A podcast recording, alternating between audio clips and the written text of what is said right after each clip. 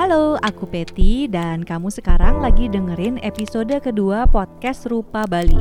Podcast Rupa Bali ini baru aja bergabung dengan jaringan Potluck beberapa waktu lalu. Kalau sekilas tentang Rupa Bali udah pernah dibahas ya di episode Potluck Podcast sebelum ini, kamu bisa cari judulnya itu Mari Berkenalan dengan Rupa Bali. Di situ aku dan Raymond dari Potluck Podcast ngobrol dengan Safitri Sastrawan alias Fitri. Dia ini hostnya Rupa Bali. Nah, di episode Rupa Bali yang kedua, Fitri ngobrol dengan seorang perupa interdisipliner namanya Made Bayak. Mereka ini ngobrolin soal pengkaryaannya Beli Bayak yang karya-karyanya tuh progresif dan eksploratif banget. Terus juga mereka ngebahas tentang tema-tema yang diangkat oleh Beli Bayak di dalam karya-karyanya sampai pandangannya Beli Bayak sendiri sebagai seniman tentang situasi dan kondisi yang ada di Bali. Dengerin yuk!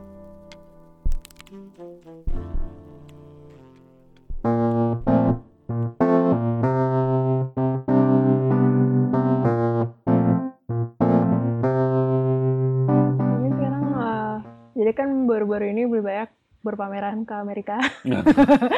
Jauh sekali jadi. Jauh sekali. ya. Kapan kapan beli banyak terakhir pameran tunggal sebelum yang Amerika ini? Sebelum itu kapan ya kalau nggak salah sekitar 2016-an mungkin ya. Oke. Masih seri yang plastikologi waktu itu. Masih istilahnya masih yang Ah, pameran tunggal yang plastikologi. lah Ah. secara umum. gitu. Iya. Kalau mau tuval ke Gunda grup kan? Ya, itu grup dan itu sebenarnya programnya mereka. Jadi eh, programnya museum mau eh, pameran tentang Bali dan mengisi itu juga menarik sebenarnya dan mereka eh, pingin mengisi suara yang hari ini. gitu. Maksudnya dari kuratornya sendiri pingin istilahnya dari berapa lama mereka hanya memamerkan eh, artefak Bali, berapa karya-karya seniman Bali lama gitu Mm. pameran kali ini pingin mereka eh, ini loh suara eh, anak-anaknya sekarang orang eh, di Bali itu seperti Iya. ini gitu. Nah itu bagus sekali sebenarnya karena settingan pamerannya pun bagus. Jadi semua masuk data-data pariwisata di Bali, eh, kunjungan eh, motor itu berapa di jalanan di Bali, kemudian dampak dari bom ada juga di sana berupa data gitu. Nah, eh, karya seni itu menjadi salah satu bagian yang berbicara eh, di, di sisi kritisnya gitu. Iya. Itu menarik sekali dan saya sebelum terlibat pameran itu juga ya sempat eh, berkunjung ke Belanda, kemudian berkunjung ke museum, tapi waktu itu kunjungan museum karena ada mau dicari, tapi lebih banyak itu berkunjungan ke tempat-tempat nongkrong, istilahnya nongkrong-nongkrong anak mudanya yang Iya. hype di sana Hmm. itu dan coba ngobrol-ngobrol gitu. Satu hal yang menarik ketika saya ngobrol dengan anak muda di sana, kita ngobrol sambil minum gitulah di kan banyak tempat-tempat nongkrongan Iya, di sana. Istilahnya sok-sok akrab gitu kan. ngobrol dan ternyata dari obrolan gitu menarik sekali saya dapat karena gini, eh, dia nanya eh, setelah ngobrol banyak eh, baru eh, saya juga nanya kamu asli sini atau asli Eropa mana Iya. gitu dan dia asli di Amsterdam. Terus dia nanya "Eh, kamu dalam rangka apa ke sini gitu obrolan biasa. Eh, eh, dibilang eh, saya bilang ada pameran di eh, Jerman kemudian ingin mengunjungi museum beberapa museum yang ada di Belanda karena banyak menyimpan Artefak. ya Ah. artefak yang Bali gitu. Iya. Jadi saya orang Bali pingin dapat melihat langsung. Gimana menurutmu? Gitu. Pertanyaan mereka yang anak-anak muda itu gimana menurut? Menurut saya sih karena kita di Bali itu sedikit lepas Hmm. dengan eh, artefak itu maksudnya kita lihat di gambar. Kalau saya sih eh, ngelihatnya secara artistik itu eh, bisa ngelihat yang orang leluhur saya kerjakan itu luar biasa sekali gitu. Tapi Hmm. cukup jauh untuk melihatnya secara langsung gitu. Nah, menariknya yang pendapatnya dia anak-anak muda itu bahwa mereka itu melihat dan ternyata itu kayak menjadi kecenderungan umum bahwa mereka sadar bahwa leluhur mereka itu penjajah. Kayak Mhm. yang di Tropen mereka bilang itu so kolonial, maksudnya sangat kolonial gitu Iya. itu itu itu saya tidak suka itu mereka bilang. Nah, saya pikir eh, institusi sebesar museum itu pun di Belanda sekarang kenapa mereka sedikit merubah Hmm. karena anak-anak muda ini sudah tidak mau Udah berkunjung ke sana. iya. Maksudnya apresiasinya uh, uh, bukan kejayaan ya kolonial bukan kejayaan tapi mereka melihatnya lebih kritis. Iya. Nah, suara yang kritis hari ini itu ya untuk menarik mereka, Hmm. kalangan anak muda mereka. Oh, Nah, itu kan gitu. bagus sekali Iya. maksudnya. Jadi, wah ini jeli sekali maksudnya Hmm. mereka institusi besar tapi tet- tetap menangkap ini, menangkap eh, apa yang terjadi hari ini Hmm. gitu. Itu itu kenapa saya menarik. Oh, ternyata di di walaupun tetap ya, tetap eh, institusi besar gitu, tetap mereka dalam tanda petik aman ya. Kritis pun masih yang aman gitu. Iya. Diambil kritisnya Iya. apa gitu. Kalau tawarin yang 65 nggak mau. Oh. Iya, ada iya, tawarin yang perempuan apa foto kolonial yang seri saya yang Ini iya. nggak mau pasti. Iya. Karena itu ngeritik mau indie soalnya. ya itu maksudnya. Iya, iya, iya. Tapi paling tidak ada gitu kan Iya, iya. suara yang ingin disampaikan suara kritis hari ini itu dan itu bagus itu itu Hmm. bagus karena karena bisa menangkap kecenderungan anak-anak mudanya sekarang. Nah, Hmm. Sekarang menarik sebenarnya. ada karya B yang di Falcon Kunde itu juga di jadi dis, masuk ke permanen display ya kalau Ya, eh, eh, permanen koleksi jadinya. Oh. Kalau kalau museum di luar biasanya mereka beli dulu karyanya Hmm. sebelum pameran Iya, itu. Jadi hmm. menjadi koleksi mereka Diakuisisi. dan tidak dijual lagi. ya. Iya, diakuisisi Ah, ah. kan. Hmm. Itu Nah, karya apa? Itu yang seri plastikologi. Oh, plastikologi. Ah, ah, seri plastikologi. Kemudian ada satu eh, apa image karyanya yang Hmm, cukup besar gitu di print oleh mereka Oke. itu satu dinding gitu. Jadi karya plastikologi itu saya saya sendiri Kaget. Ini wow. bisa seperti ini karya walaupun print ya tapi Iya. tapi kan kelihatan itu dan Hmm.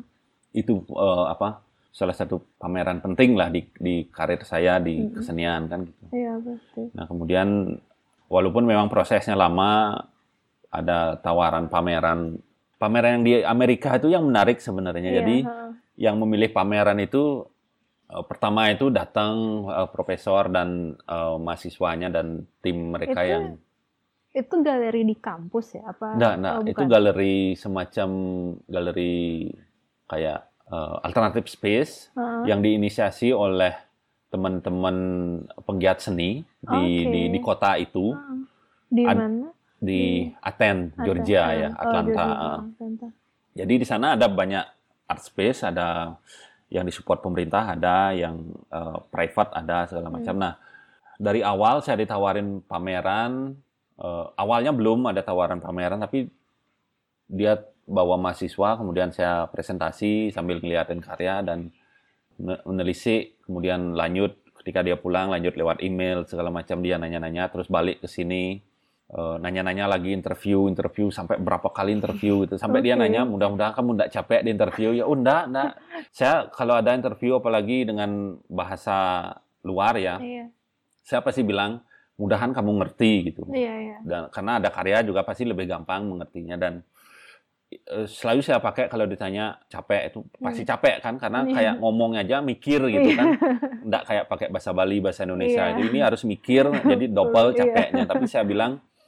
Nah, ini untuk latihan saya juga Iya. gitu. Latihan saya, siapa tahu nanti saya ada forum-forum di internasional itu ini pakai latihan itu. Dia ngerti. Kemudian interview berapa kali, kemudian dia bilang mau mamerin gitu. Nah, seperti saya Hmm. sampaikan sebelumnya di beberapa ngobrol sesi ngobrol sama teman, Hmm. saya nanya juga kenapa misalnya Hmm. itu dan dia memilihnya karya-karya yang dalam tanda petik agak vulgar memang Itu Hmm. dia sendiri yang milih ini ini Hmm. ini terus ada yang memang vulgar terutama dari seri 65 ya Hmm. dari seri 65 itu banyak sekali dan menariknya ketika dia proses dia kan harus ngajuin proposal Iya. juga ke galeri Ke itu itu. dan ternyata dia juga tidak nyangka karena dia memang sebelumnya tidak pernah buat pameran kita nawarin Hmm. itu ternyata banyak ini di Amerika loh Iya. banyak yang bilang wah ini vulgar sekali Oh, maksudnya mereka berpikir untuk pamerin itu di Iya, ruang-ruang yang misalnya kerjasama dengan pemerintah Iya. atau ruang private nah iya. yang dapat respon bagus ini yang ruang alternatif itu yang di- Hmm. dibentuk oleh beberapa orang ada penulis ada seniman dan ada istilahnya kayak mungkin pengusaha atau apa mereka sepakat kayak ngumpulin mungkin berapa persen penghasilan Iya. dan mendirikan galeri Bikin galeri itu.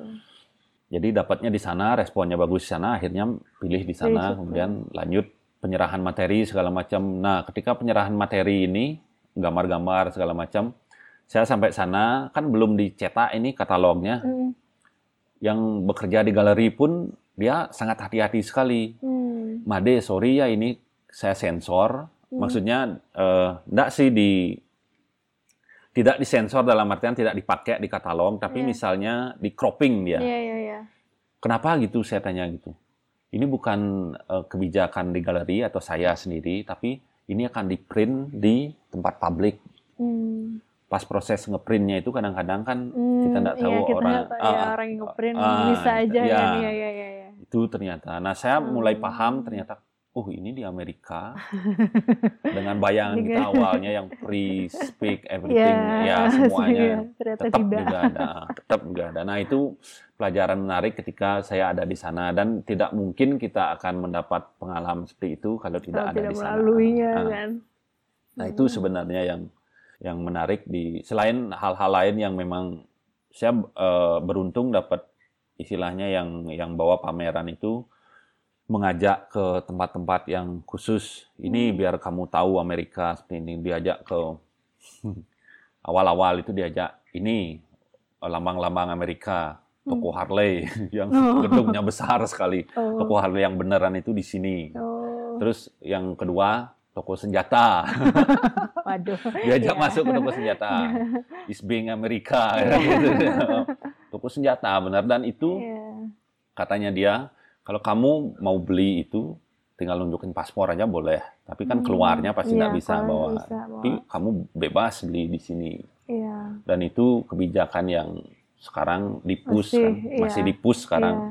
eh, sama presiden yang sekarang Iya. lebih lebih Lebih longgar lagi, lagi, karena iya. dan itu sangat bahaya Dan sekali. lagi dikritik habis juga. Nah, tapi di sebagian masyarakat Amerika katanya memang menurut profesor ini itu kayak kayak apa ya kayak ah, kayak ada memang sebagian keluarga atau warga Amerika itu yang sangat istilahnya dia freak sekali dengan senjata. Maksudnya Hmm. megang senjata itu kayak ini bagian dari hidup Iya. gitu.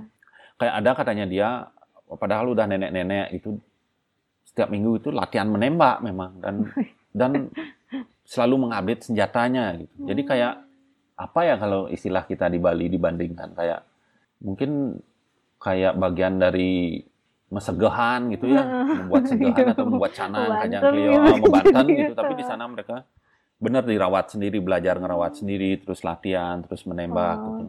Nah itu yang menarik, maksudnya di terutama daerah selatan ya, Hmm. daerah selatan kan memang agak masih apa masih Ya, apa white bilang- supremacy iya, white yang seperti itu masih banyak lah gitu. Mm-mm.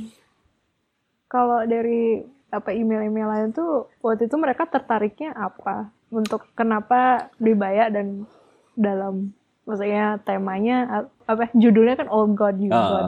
Kenapa itu? Ya, eh, ternyata mm, yang dilihat oleh bisa dibilang tim ya, walaupun mereka sebenarnya eh, suami istri dan eh, mahasiswa S2-nya Hmm. yang mengorganisir itu, mereka itu menariknya melihat bahwa kerja-kerja yang mereka selama ini lakukan, kerja penelitian, kerja penulisan, antropologi itu tidak segamblang di karya-karya yang saya bikin. Belum Hmm. segamblang itu. Jadi mereka Oke. coba ingin ini ada tawaran baru metodologi kolaborasi karena di kampus mereka juga ternyata eh, bentuk kolaborasi itu sangat dihargai untuk keilmuan tertentu. Ketika misalnya ada ketemu dengan eh, sesuatu yang berkaitan dan itu bisa memperkuat atau mempergamblang memberikan penjelasan gamblang tentang tesis atau apa pun bentuknya eh, dari mereka yang teliti itu eh, bagus sekali gitu. Jadi nah dilihat eh, tentang tentang pembungkaman, tentang kebohongan sebuah rezim yang dibikin karya melalui visual itu ternyata mereka itu melihat koneksinya sangat erat sekali koneksinya dengan situasi yang ada di Amerika tentang eh, suku asli Hmm. dulu Indian kemudian eh, bagaimana orang-orang pendatang yang kemudian mengambil alih kemudian tentang eh, rasisme pemisahan Hmm. eh, itu ternyata benang merah yang mereka lihat kemudian pemilihan judul itu sebenarnya kita juga diskusi. Saya ditanyain kira-kira menurutmu apa yang bagus? Nyampein beberapa ide uh, ide terus ada ide muncul terus dia ingat ketika saya di interview dengan band ada satu lagu Gig Smile di album 2 itu kan uh, Tuhan-Tuhan baru. Dia sempat ingat waktu sesi diskusi itu tentang Tuhan-Tuhan baru uh, yang kita garap melalui lagu lagu Gig Smile itu bercerita tentang awal munculnya internet, hmm. terus uh, Friendster zaman dulu sebelum hmm. ada Facebook apa yeah. kan Friendster, terus belum bukan WeChat apa gitu namanya dulu ada uh, MSIT ya yang pokoknya awal-awal sekali kita bisa chattingan itu dengan oh, okay. baru awal internet uh. itu, nah itu seperti apa seperti kayak uh, ya seperti Tuhan baru sama hmm. seperti uh, di Bali kalau kita bicara pariwisata ya itu Tuhan baru gitu. Hmm. Nah di di lagu Ismail berbicara tentang itu dan dia ingat dan kita putusin oke okay, saya suka dengan ini gitu dia bilang oke okay, enggak apa-apa kita bisa sepakati mau pakai itu untuk penjudulan gitu. Yeah. Dan dia juga melihat uh, ternyata dia melihat karya-karya saya yang banyak seperti kita diskusi kemarin di Bali Gate itu banyak menggunakan visual Bali hmm. tradisi gitu. Walaupun dia bilang sendiri walaupun ini bakalan sulit di, dilihat oleh publik Amerika ketika berbicara karena Indonesia sendiri di pembahasan mereka kan tidak banyak yang gini yang mengerti Indonesia itu. Hmm. Jadi double sebenarnya. Problemnya double. Kita berbicara kepada publik yang tidak terlalu banyak tahu yeah. tentang Indonesia, hmm. walaupun mereka ada dari kalangan kampus yang tahu sedikit ya belajar tentang Indonesia, kemudian disuguhi visual yang sangat jauh dari uh, background mereka, hmm. itu bakalan sulit. Tapi di narasinya ternyata cukup gamblang bisa menggambarkan tentang itu bahwa ini visual di Bali dan ada sejarahnya misalnya di Bali itu tentang visual-visual itu sampai hari ini masih dipergunakan di uh, ritual seperti itu. Kemudian uh, bagus juga sih uh, memberikan visual baru kepada orang yang tidak mempunyai background uh, visual terhadap uh, budaya kita ya. Di satu sesi itu saya per, uh, dapat diajak ke ke sekolah. Sekolah itu tempat yang mencoba untuk meminimalisir uh, rasisme di kota itu. Jadi anak-anak yang sekolah itu ada yang uh, Afrika keturunan Afrika Amerika kemudian uh, Latin Amerika banyak dari Asia ada tapi sedikit sekali Cina hmm. ada hmm. nah saya dimasuk ke sana untuk melihat teman yang lagi membuat mural hmm. kemudian diajak ke ruang kelas hmm. SMA-nya nah kebetulan mereka lagi ada proyek membuat karya atau menggodok gagasan nah itu acara dadakan sebenarnya gurunya langsung nge uh, nama saya googling terus ngeliatin karya-karya. Nah, di sana juga ternyata menariknya melihat gurunya langsung bisa melihat gambar-gambar yang saya pakai itu atau simbol-simbol itu tentang budaya Bali, background saya di mana saya tinggal itu dijelaskan ke siswanya bahwa ini loh mengangkat isu tertentu menggunakan idiom atau background dia hmm. sebagai seniman hmm. karena dia orang Bali. Nah itu dijelaskan ke mereka dan kalian dengan background yang berbeda ini di sini sebenarnya bisa istilahnya memak memakai idiom itu atau uh, membentuk gagasan itu menggunakan itu karena ternyata yang yang menarik uh, saya dapat waktu pameran itu juga adalah ketika uh, sekarang tidak ada isu besar yang banyak dibicarakan oleh seniman, hmm. isu-isu hmm. sederhana atau kecil yang banyak terdapat di berbagai daerah ini memberikan pengertian kepada kalayak umum itu bahwa oh kasus seperti ini ada di Indonesia atau di Bali mirip kasusnya seperti di Amerika bagian mananya. Hmm, yeah. Nah itu ternyata memberikan pandangan uh, global bahwa ya kita ini sebelumnya menghadapi persoalan yang sama. Iya. Bentuknya mungkin agak berbeda, ya. tapi intinya uh, masalahnya itu sama, inti besarnya itu sama dan saya pun paham di sana kenapa ternyata di set banyak sekali ada forum, sharing session forum itu yang resmi yang hanya di kampus, sharing hanya ngobrol dengan beberapa orang itu ya untuk mendapatkan itu kita saling hmm. memahami, kita iya. cerita saling memahami. Oh, problemnya di misalnya ada uh, orang Amerika yang lama penelitian di daerah Uruguay atau apa di sana ternyata ada kasus yang sama seperti kasus di Bali misalnya saya ketika uh, cerita tentang tolak reklamasi Mm.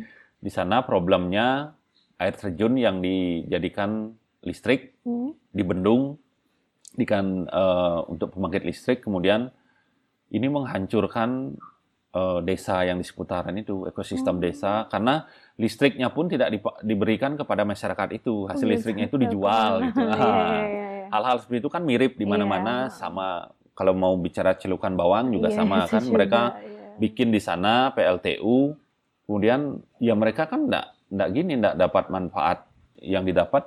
Efek efek sampingnya gitu efek ya. sampingnya penyakit paru-paru pernafasan itu yang besar dan cenderung itu kan mereka enggak mau tanggung jawab dengan hal-hal seperti itu. Nah ternyata itu juga yang menarik ketika pengalaman yang saya dapat itu jadi memahami ada yang kerjanya melalui aktivitas seni aktivitas yang lainnya itu tapi ya intinya itu saling tukar cerita memahami dan kita paham bahwa ini isu bersama Emang ya. Tak perhatiin juga, ya sebenarnya lebih baik udah eh, sebut juga kayak beberapa kali lebih baik ke luar eh, juga diundang sebagai pembicara gitu. Heeh. ya.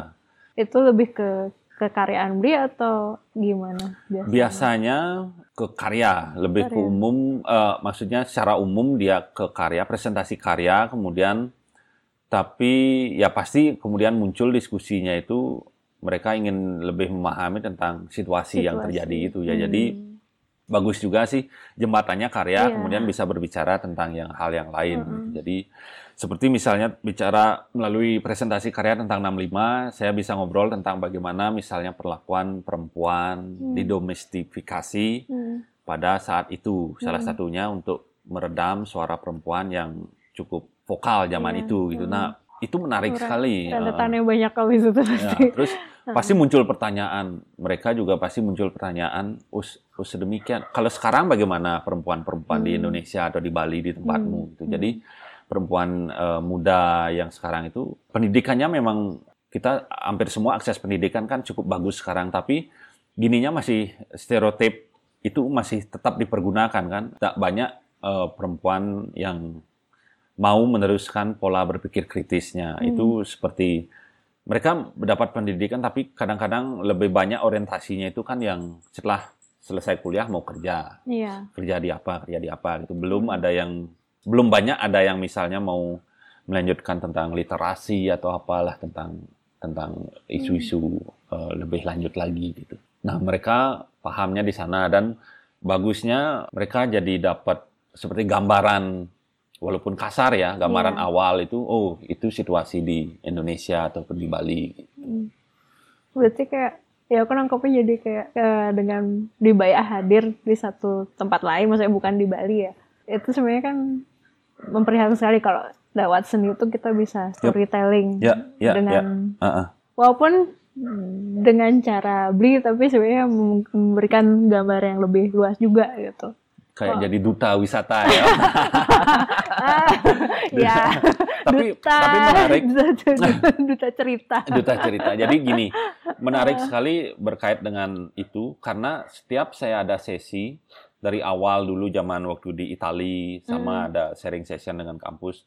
Setelah itu jarak sebulan, dua bulan, tiga bulan itu pasti ada aja email dari salah satu mahasiswa peserta itu Hmm, ingin interview. Oke. Yang terakhir ini yang di Melbourne. University Melbourne ini baru waktu saya di Jogja ada email masuk katanya dia mahasiswa terus hadir waktu acara itu acara dan itu. ingin menanyakan tentang macam-macam gitu Hmm. eh, lewat email.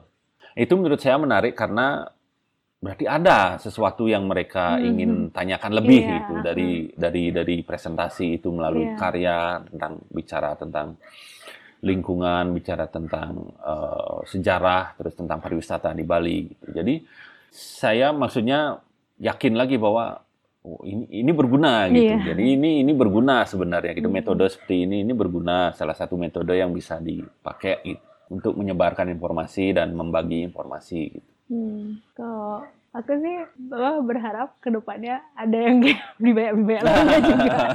Tapi kalau dibayar sendiri, lihatnya gimana? Kayak Eh, ya mungkin nggak eh, nggak harus fokus di Bali aja tapi maksudnya di Ah. Indonesia sendiri apakah seniman-seniman kita tuh udah banyak nggak sih yang kayak gini atau masih sedikit atau Sebenarnya kalau bicara Bali, eh, saya pastiin sedikit sekali ya. Hmm.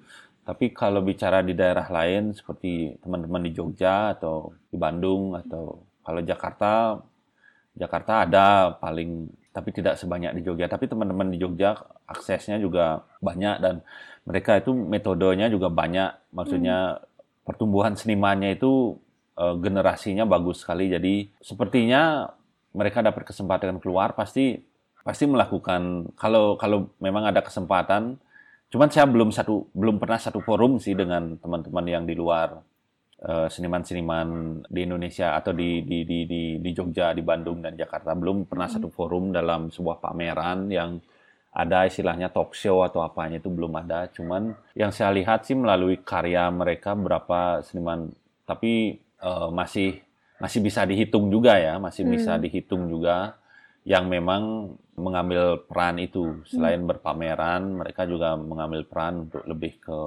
menyebarkan informasi itu. Iya. tapi tapi tetap menarik menurut saya. Maksudnya Bali di Bali pun sendiri walaupun susah ya saya juga masih istilahnya masih me- mencari-cari lebih lagi tentang kenapa gitu. Kenapa tidak banyak yang mau ngambil pilihan seperti itu gitu. jadi ada banyak analisa sih tentang hal itu dan dan dan suatu saat pengen juga sharing dengan teman-teman kenapa gitu. Kenapa eh, nah ka- karena ke depannya gini kalau muncul generasi kritis seperti eh, saya cerita tentang kolonialisme anak-anak muda di Belanda itu tentunya mereka akan mencari suara yang Cari- berbeda iya, kan. Nah, cari itu juga. sebenarnya satu hal yang bisa kita baca hari ini bahwa kalau apa kasarnya eh, dibilang kalau mau cari peminat gitu istilahnya ini banyak sekali hal yang bisa gitu. Tapi cukup berani nggak kita untuk mempersiapkan diri dengan bahan yang akan kita eh,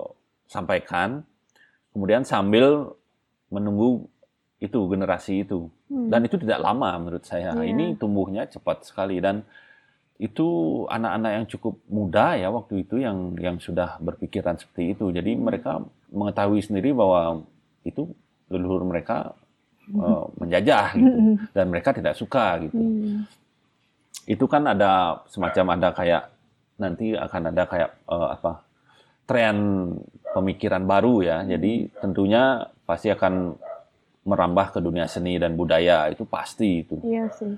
sama juga di Amerika gitu. Jadi metode-metode kesenian yang mereka sudah mapan dari dulu dan itu pentingnya mungkin orang lihatnya karena saya setiap berkunjung ke mana tak usahain cari museum kemudian ya foto lah apa Iya, iya. sebar itu mungkin kalau secara umum dilihat kalian gaya aja fotoan di museum apa tapi Ah, padahal di sana mau nunjukin itu loh, ada ini loh di situ. Iya, sebenarnya kan gitu. Jadi di museum sebesar itu ada karya yang seperti ini gitu Iya, dan iya. harusnya kita semua yakin bahwa eh, penggalian yang kita yakini eh, apa pencarian yang kita yakin itu Mm-mm.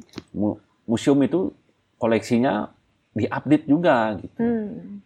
Seperti yang saya tunjukin ada eh, ada seniman itu yang a- keturunan Afrika Amerika itu yang sebenarnya karyanya brutal sekali itu tapi dia ada di MoMA gitu. Apa artinya gitu kan dari sekian koleksinya MoMA yang dulu memang dia bagian dari kepanjangan tangan dari Amerika dalam hal seni. Ekspresionisme ya. Tapi hari ini karena tuntutan masyarakat, Iya. kesadaran masyarakat sendiri se- semakin bagus ya, masa mereka tidak mau ngupdate itu tidak dipercaya mereka sebagai institusi kan Iya. gitu sama anak-anak mudanya gitu. Nah ada karya-karya yang seperti itu dan Hmm. itu yang saya pengen tunjukin sebenarnya gitu. Bukan Iya, yang iya. gaya-gayaan gitu, kayak yang di MoMA atau apa itu. Sa- saya juga mendapat sesuatu meyakinkan saya Iya. bahwa institusi besar itu juga ada Mulai melihat ke Ya, sana sebenarnya. itu. Jadi ya itu. Hmm.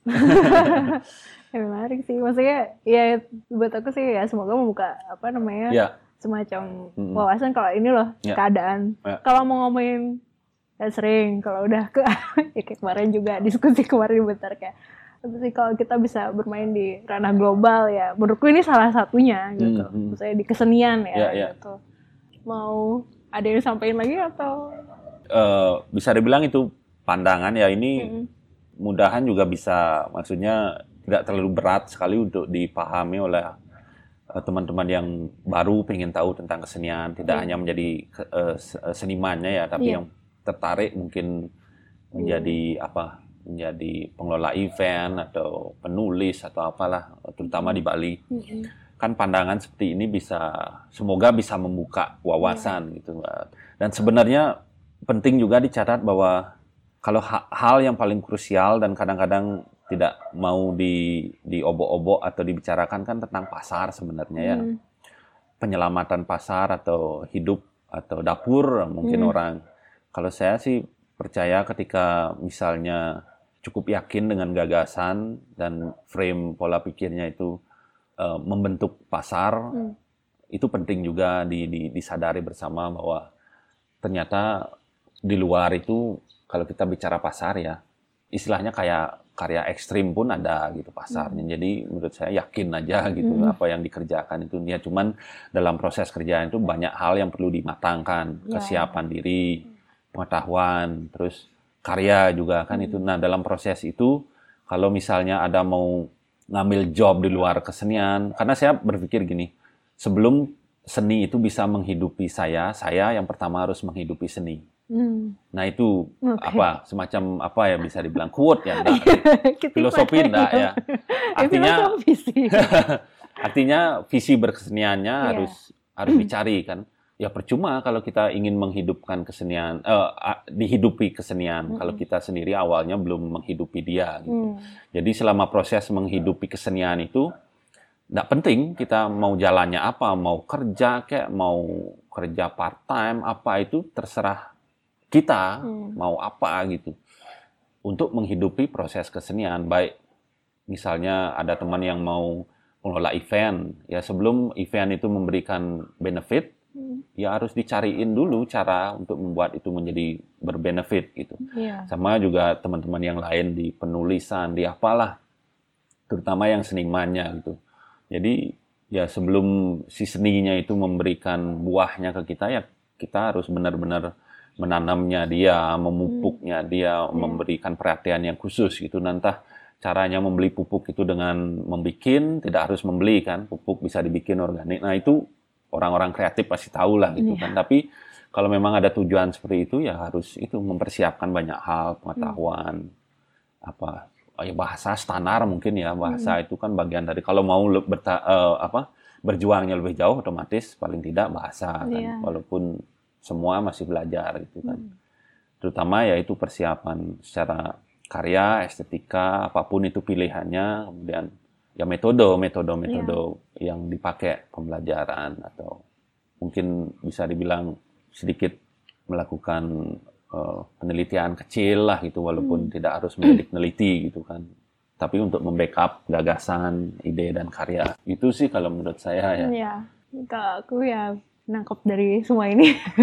di Ya, di, di giniin apa namanya apa kayak di apa di konklusi. ya konklusi konklusi. Jadi sih nggak mau dikonklusi tapi Hmm. maksudnya Ya, untuk ya. untuk kesa- eh, Hmm. saat ini aku sih ya aku ngeliat Wibaya sebagai perupa atau seniman tuh kayak salah satu yang berani lah mengambil eh, apa tema-tema ini eh, dan akhirnya eh, dilihat loh gitu malah di luar tuh malah ini yang dicari Hmm. juga gitu jadi mungkin eh, kalau boleh di dia mesti di ringkas sekarang kayak ya sebenarnya kekaryaan atau kesenian yang membawa cerita-cerita yang gimana ya, yang di dipinggirkan lah dan Hmm. menjadi nggak cerita baru sih lebih Ya. kayak diceritakan kembali lah gitu itu sebenarnya satu hal yang cukup krusial juga Mm-mm. di hari ini di benar di saat itu. kontemporer Ah. ini dan di saat global ini. Ah. Dan memang yang eh, sebenarnya juga bahasan-bahasan ini sempat di waktu saya eh, waktu aku ketemu Ibu Rahmayani juga Mm. eh, cukup ditangkap universal juga Hmm. gitu. Hmm. Makanya dia diundang entah ke mana Yap, untuk mengisi dan Yap. sebagainya dan dia juga menangkap ya sebenarnya di mana-mana saat ini sama. Ya. Tidak hanya dengan Trump di Amerika misalnya atau di Indonesia dengan ya dengan mas saya Hmm. terakhir Papua juga Ya, masih ya, ya, kan. ya. Jadi ya eh, mungkin ya kita ya mungkin di di episode ini kita menyadari kalau seni itu bisa menjadi satu metode yang menceritakan kembali Ya. gitu. Oh, Makasih uh, banyak ya, nih ya, sama-sama. sudah menyempatkan Mm-mm. untuk mengisi rumah Bali Mm-mm. dan um, jadi makasih banyak untuk semua yang udah ngedengerin juga. Kalau ada masukan, kritikan silahkan email di yang tertera. Uh, jadi saat ini sekian dulu dan sampai ketemu di episode selanjutnya. Terima kasih. Terima kasih.